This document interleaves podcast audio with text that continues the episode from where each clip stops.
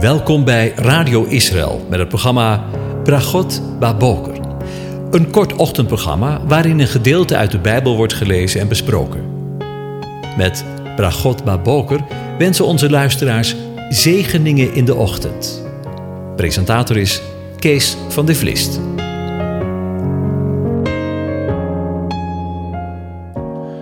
Goedemorgen, Bokatov, beste luisteraars. Vanmorgen denk u weer verder na over Psalm 100. En ik lees hem aan je voor. Juich voor de Heer heel de aarde, dien de Heer met blijdschap. Kom voor zijn aangezicht met vrolijk gezang.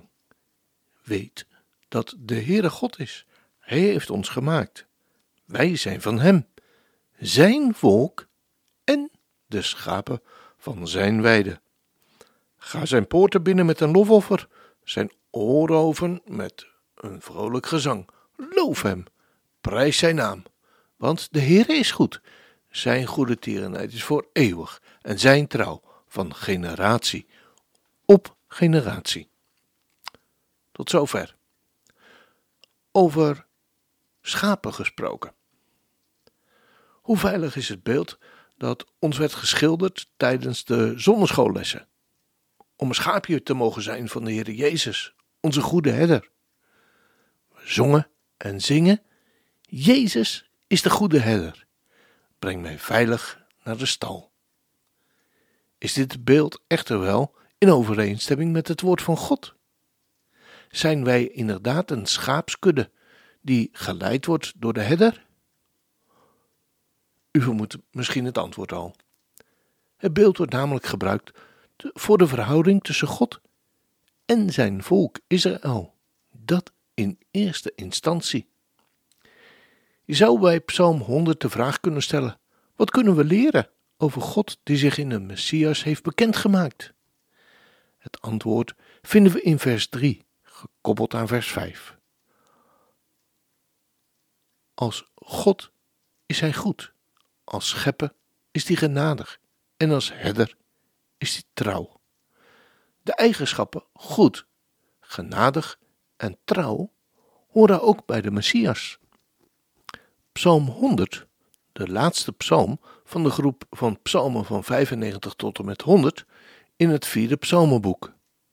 Alle psalmen samen vormen vijf boeken die corresponderen met de eerste vijf boeken van de Bijbel, van Genesis tot en met Deuteronomium. Het vierde psalmenboek correspondeert met het boek Numeri, dat in de oorspronkelijke tekst het boek is van de wildernis, de woestijn. In Numeri is Israël op weg naar een beloofde land, zoals in de toekomst het bekeerde Israël het land mag gaan bewonen en de Here aanbidden in de tempel. De gelovigen worden aangespoord daar naar uit te kijken. Dit volk zal één kudde vormen. Het volk van zijn weide de schapen van zijn hand.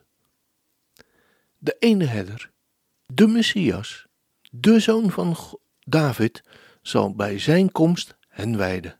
Hij zal hun herder zijn en ook hun koning, zoals David eens een herder was en koning werd. Zo zal de Messias hun herder en koning zijn. Ezekiel 34 wordt dan vervuld. Vers 30 en 31 kunnen we verbinden met Psalm 100. Luister maar. Dan zullen ze weten dat ik, de Heere, hun God, met ze ben, en dat ze mijn volk zijn, het huis van Israël, spreekt de Heere, Heere.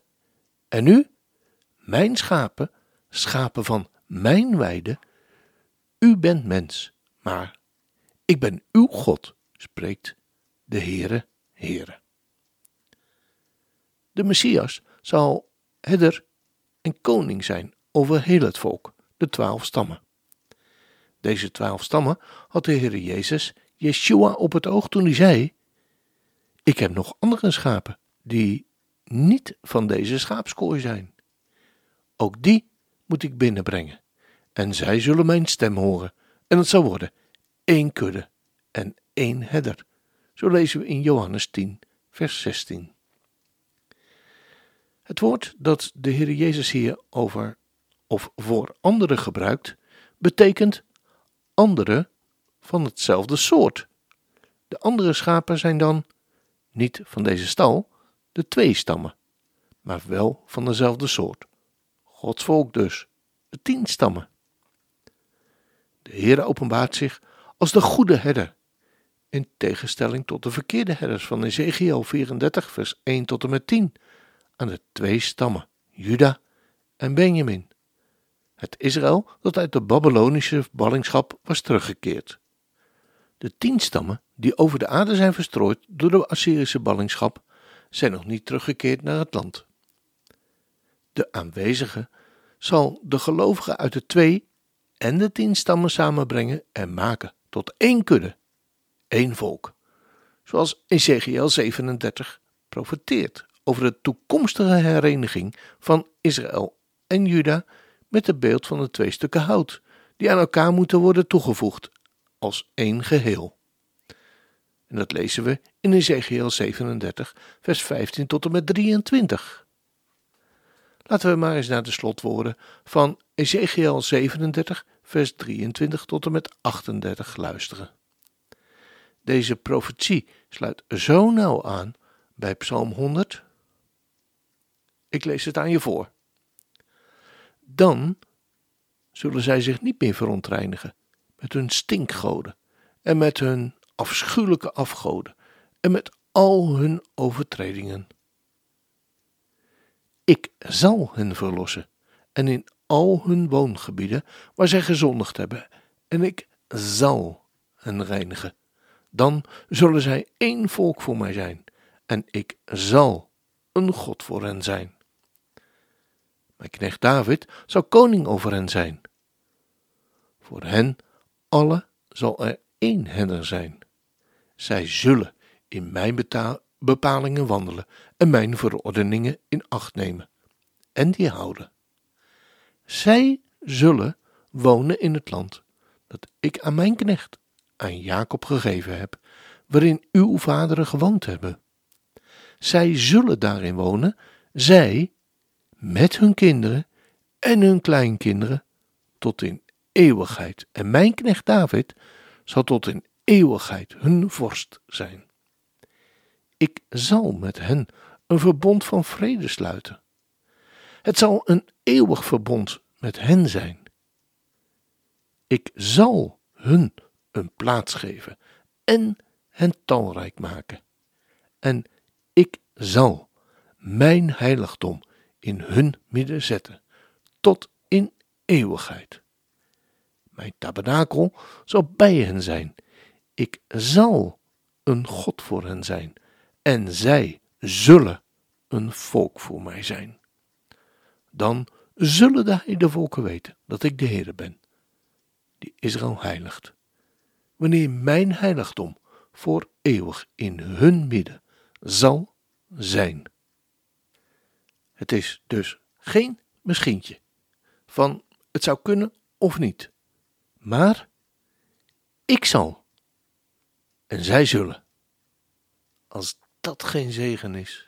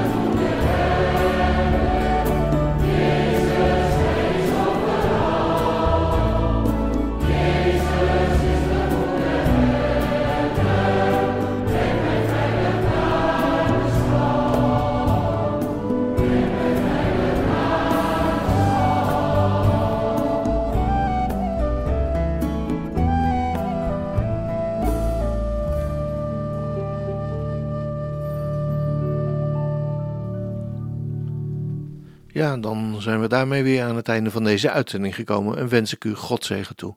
De Heer zegene en hij behoede u. De Heer doet zijn aangezicht over je lichten en zij genadig.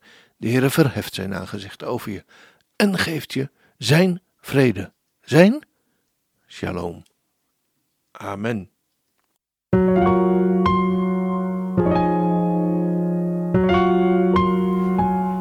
U hebt geluisterd naar het programma Bragot Baboker.